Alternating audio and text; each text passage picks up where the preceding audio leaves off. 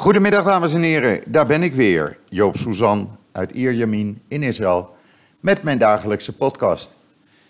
Ja, een overvolle podcast. Echt, ik heb uh, van alles en nog wat aan u te melden en met u te bespreken. Zoals gebruikelijk eigenlijk. Want uh, er is weer veel gebeurd en er gaat nog veel gebeuren. Maar laten we eerst even met het weer beginnen. Dan hebben we dat maar weer gehad, want daar hoef ik weinig over te zeggen. Het is zoals elke dag de laatste tijd. 37 uh, graden, blauwe lucht, een zacht briesje.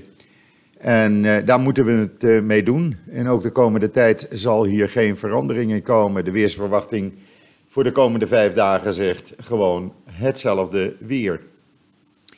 En dat was het dan. Nou ja, goed, dan weet je tenminste waar je naartoe bent. En ach, met de airco in huis valt het prima mee te leven.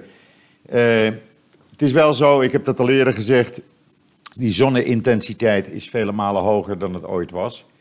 Dus uh, ja, uh, mijn hoed komt goed te pas, laat ik het maar zo zeggen. Ja, en dan vandaag een beetje een rare dag. Ik moet zo dadelijk naar Jeruzalem. dan moet ik om half zes in Jeruzalem zijn op Mount Herzl, waar de herdenking is voor, op de Joodse datum voor de op 19 augustus 2006 omgekomen Emmanuel Moreno. U kunt op joods.nl lezen wat voor bijzondere man uh, Emmanuel was. En het was een bijzondere man. Hij uh, was de neef van mijn overleden partner, vandaar dat ik ja, hem ken. alhoewel dat niet heel lang is geweest. Maar ja, een hele bijzondere man. en het hele levensverhaal eigenlijk van hem heb ik op JoodsNL gezet. Er zit ook een video bij uh, die uh, veel bijzonderheden geeft, waar vele familieleden en vrienden over hem spreken, wat voor man het is geweest, wat voor bijzondere dingen hij, heeft gedaan. Hij is trouwens omgekomen diep in, in Libanon. Hij was commandant in de Sayeret Matkal. Dat is een van de geheime units van uh, de IDF van het Israëlische leger. Niemand weet wat die jongens precies doen, of mannen zijn het. maar ze doen heel veel, ze doen meer dan u en ik allemaal weten. En hij is in, op 19 augustus 2006 gedood. Bij terugkeer eigenlijk van een grote operatie die ze uitvoerden. hij leidde de unit van 100 man diep in Libanon tijdens de Tweede Libanonoorlog. Uh, hij wordt door velen vergeleken met een soort moderne Bar Kokhba, de le legendarische held van de Tweede Joodse opstand tegen Rome, 1900 jaar geleden. Emmanuel heeft tenminste twee postume prijzen gekregen voor zijn moed, waaronder de Jerusalem Conference Award voor Joods heldendom en de Menachem Begin prijs. En dat is ook een hele bijzondere prijs. Daarna Daarnaast is hij benoemd tot held van Israël door de staat Israël. En daar zijn er maar slechts een paar van die deze titel hebben gekregen. Hij, uh, hij was heel bijzonder, uh, niet alleen omdat hij uh, commandant was in de Sayeret Matkal en veel operaties zelf plande en uitvoerde.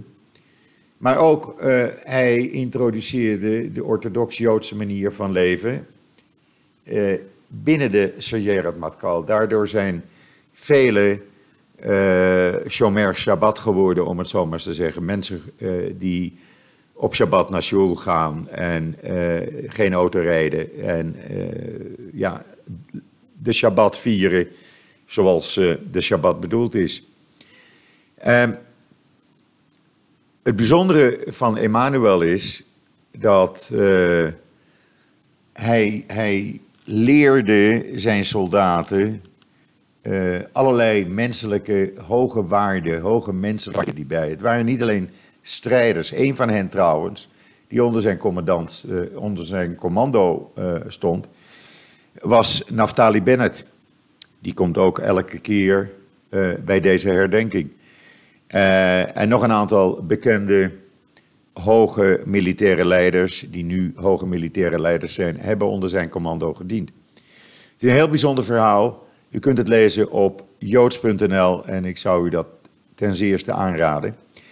Uh, en dat betekent dat ik dus om vier uur in de auto stap, omdat uh, tegenwoordig met al die verbouwingen aan de wegen, uh, ingang Jeruzalem, een autorit van mijn plaats naar Jeruzalem circa anderhalf uur in beslag neemt. Ondanks alle nieuwe wegen die wij hier hebben gekregen. Maar goed, ik heb het ervoor over. En dan hoop ik vanavond weer om een uur of 9 à 10 terug te zijn, want de hond moet ook weer lopen natuurlijk. En dan een artikel op joods.nl. De Palestijnse economie, want die groeit en bloeit. En dat komt allemaal door Israël. Wat blijkt namelijk? Steeds meer Israëlische bedrijven laten werk uitvoeren door Palestijnse bedrijven op de Westbank. Er zijn eh, textielbedrijven die eh, hun kleding laten maken in de Westbank. Er zijn eh, die ook, diezelfde textielbedrijven trouwens, vragen de Israëlische regering, zijn daar een actie voor gestart om minder te importeren uit Azië en China. En zodat zij meer werk aan de Palestijnse fabrieken kunnen geven. Daarnaast de toeleveringsbedrijven voor de bouw, steenbedrijven en staalbedrijven er komt steeds meer uit de Westbank vandaan. En dan niet te vergeten, en dat is eigenlijk ook heel belangrijk, er werken zo'n 130.000 Palestijnen elke dag in Israël. En die verdienen in Israël een salaris wat gemiddeld 2,5 keer hoger ligt dan het salaris wat zij ooit op de Westbank zouden kunnen verdienen. En eh, er wordt ook veel gewerkt door Palestijnen, daar zijn er ook duizenden van, die uh, in de settlements werken. Ja, u zult dat raar vinden, maar voor hun is het werk, zij werken daar in de bouw en constructie en breiden eigenlijk de settlements uit. En daar uh, verdienen ze ook 2,5 keer het salaris van wat ze normaal uh, in de Westbank zouden verdienen. Heel interessant om te lezen. Uh, en het is altijd dus anders, blijkt hieruit, ook uit dit artikel, dan men zegt. En dan op joods.nl het verhaal van de IDF, die erachter is gekomen dat de opperbevelhebber, meneer Soleimani van de Iraanse Republikeinse Garde, persoonlijk de killer drone operatie leidde. U weet, Israël heeft afgelopen zaterdagnacht uh, voorkomen dat er killer drones op Noord-Israël door Iran vanuit Syrië werden afgevuurd. Die heeft uh, persoonlijk de leiding gehad. Hij financierde het, hij had carte blanche. Hij leidde het en zijn, uh, zijn ondergeschikten zaten in een luxueuze villa ergens in Damascus, van waar de operatie geleid werd. Dat is een heel verhaal geworden wat de IDF van al, al tijdenlang volgde, zonder dat Iran dat in de gaten had. Heel bijzonder om dit even te lezen. En dan gisteravond, ja, toen ging opeens het alarm af. Wat betekent uh, dat uh, op mijn telefoon uh, en op vele andere telefoons in Israël. Wat betekende dat er weer raketten op Israël, Zuid-Israël werden afgevuurd. En deze keer waren het er drie. U kunt het lezen op joods.nl, waar ook een video bij zit van mensen die op een feest waren in Sederot. En plotseling die raketten zagen komen en in paniek het feest probeerden te ontvluchten. Uh, er zijn er twee neergehaald voordat ze neer konden komen door de Iron Dome. Eentje is uh, wel ergens in Sederot neergekomen, maar heeft alleen maar schade aan een onbewoond of niet gebruikt gebouw, oud gebouw aangericht. Gelukkig. De IDF heeft in reactie natuurlijk meteen een aanval uitgevoerd op Hamas-doelen.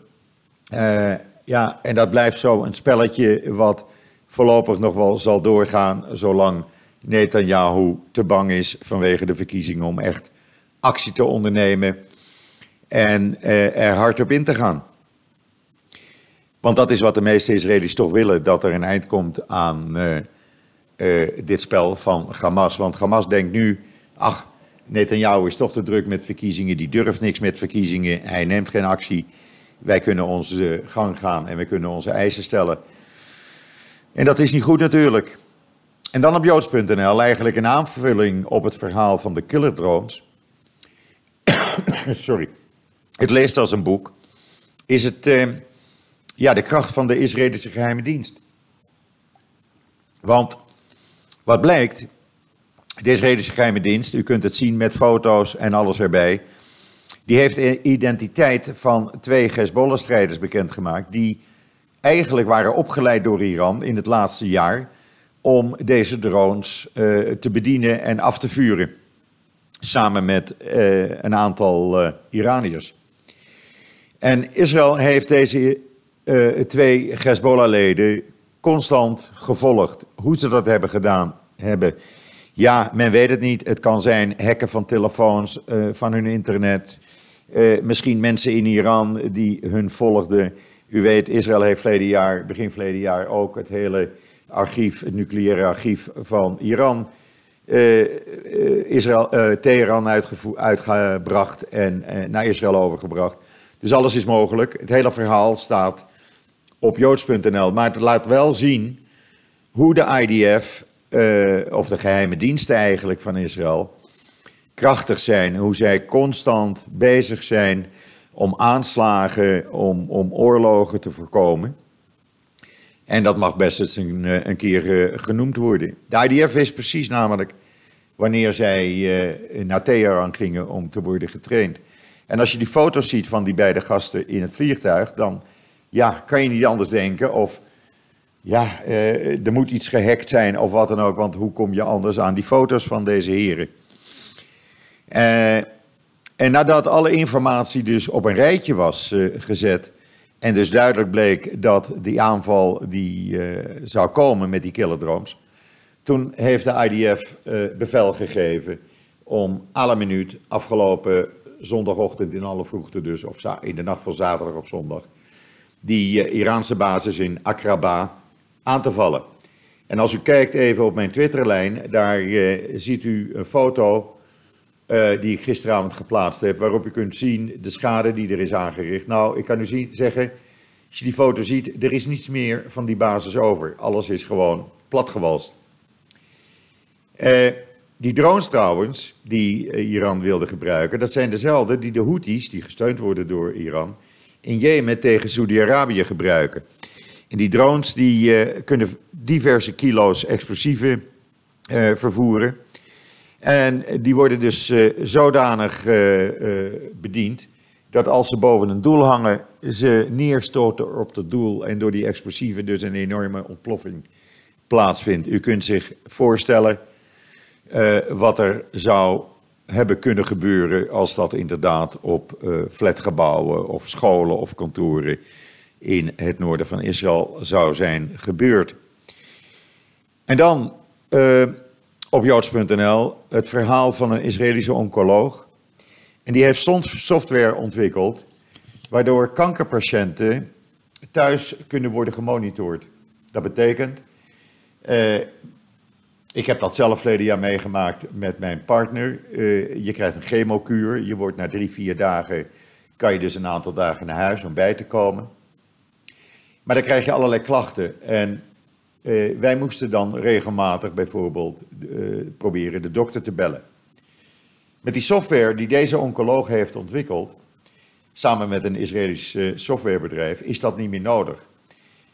als je als kankerpatiënt dan thuis bent, tussen de behandelingen in, en je denkt iets is niet goed, of ik voel iets, of ik heb een vraag, dan kan je dat meteen via een gesloten websitesysteem aan je arts vragen, die dat meteen, uh, die krijgt een pop-up te zien op zijn smartphone of laptop of computer.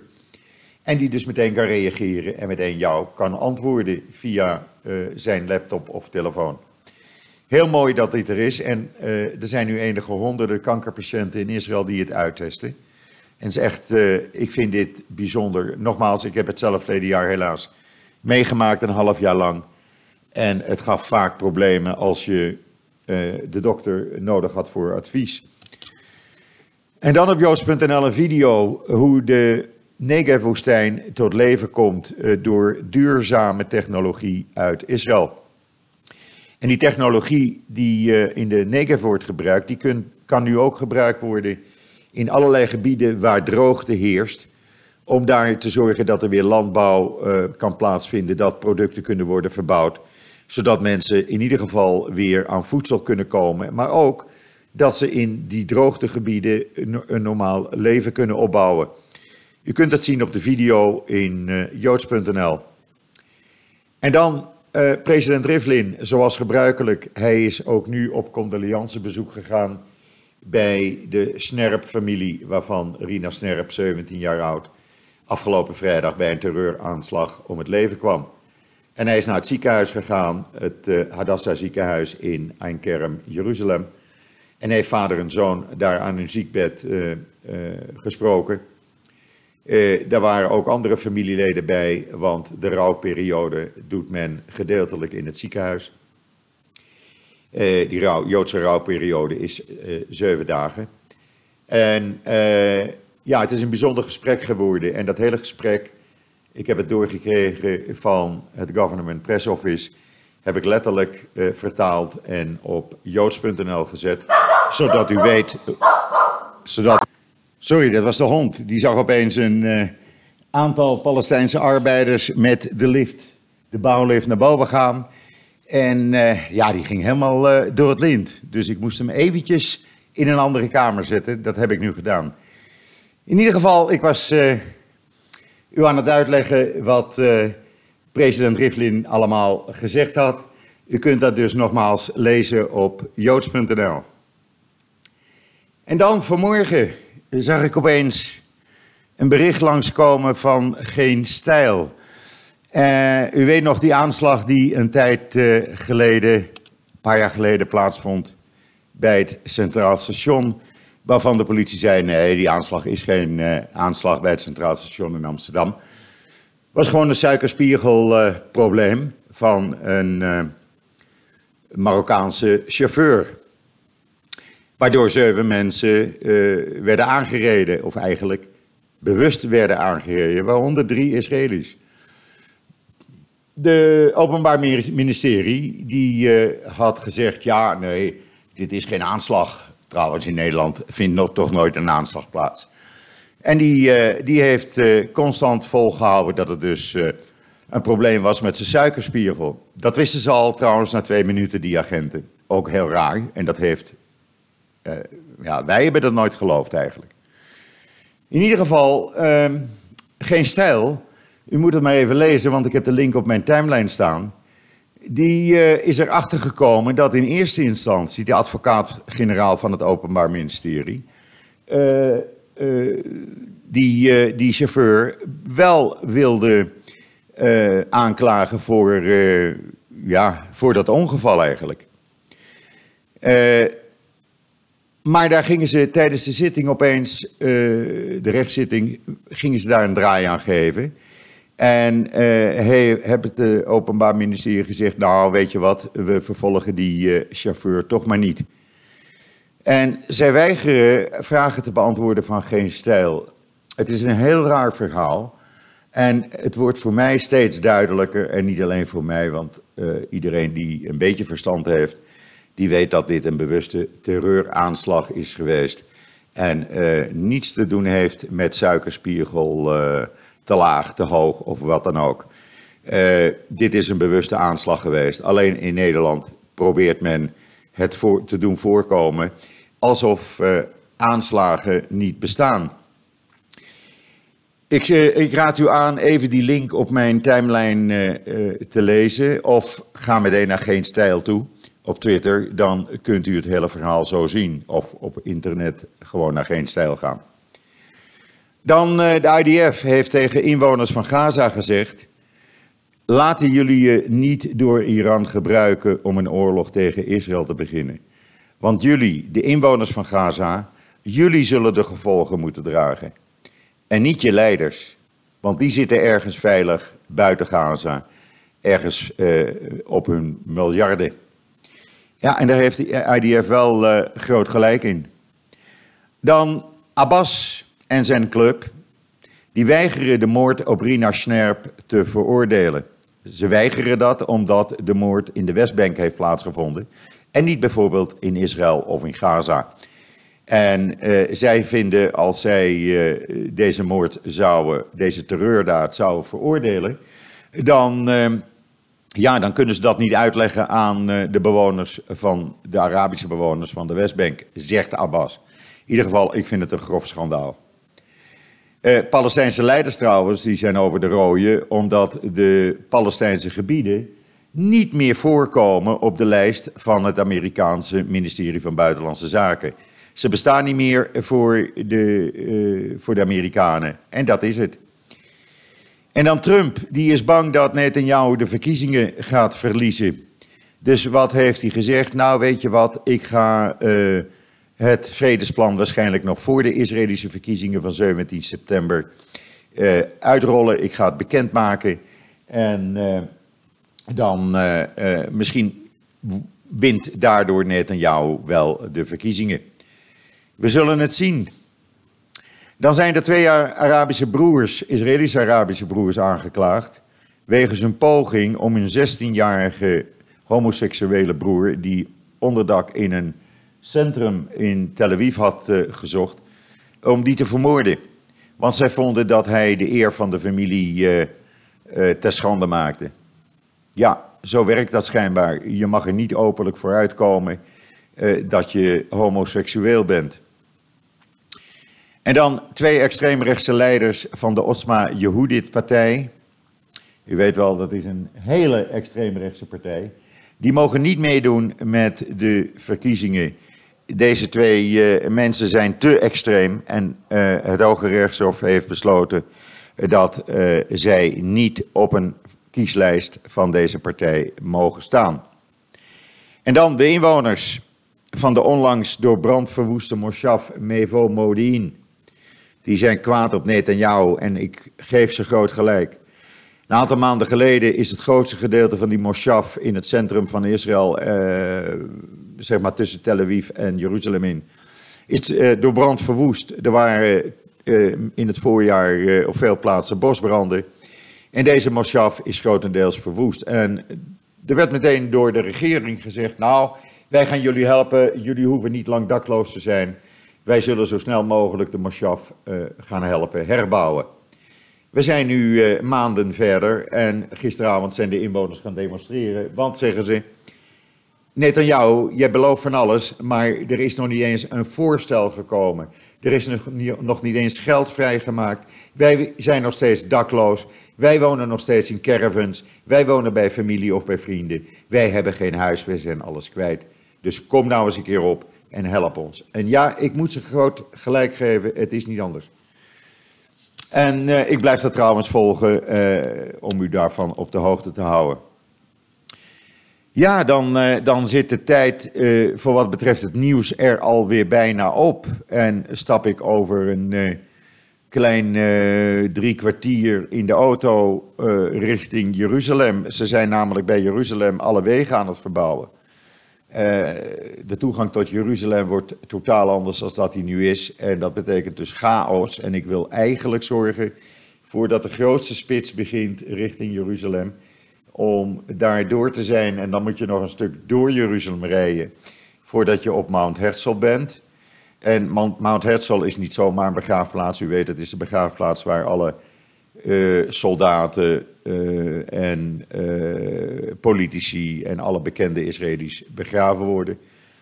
En daar zijn dus allerlei, ja, daar moet je dus een stuk lopen nog. Gelukkig wordt er altijd gezorgd voor veel water, veel koud water, want bij deze hitte hebben we dat echt wel nodig natuurlijk. Ik zal kijken of er een internetverbinding is. Vaak wordt er te veel internet gebruikt eh, om uh, zeg maar een soort live-uitzending te maken. Maar ik zal kijken wat de mogelijkheden zijn. En anders mm, doe ik wat opnames maken en dan zet ik ze later vanavond of morgen online, zodat u toch een beetje uh, kunt volgen wat we daar hebben gedaan. In ieder geval, het zal een bijzondere, een bijzondere uh, memorial worden, een bijzondere bijeenkomst. Goed, dan rest mij u nog een fijne voortzetting van, uh, ook voor u, een warme maandag, de 26 augustus toe te wensen. En uh, wat mij betreft, zoals iedere dag, zeg ik tot ziens, tot morgen.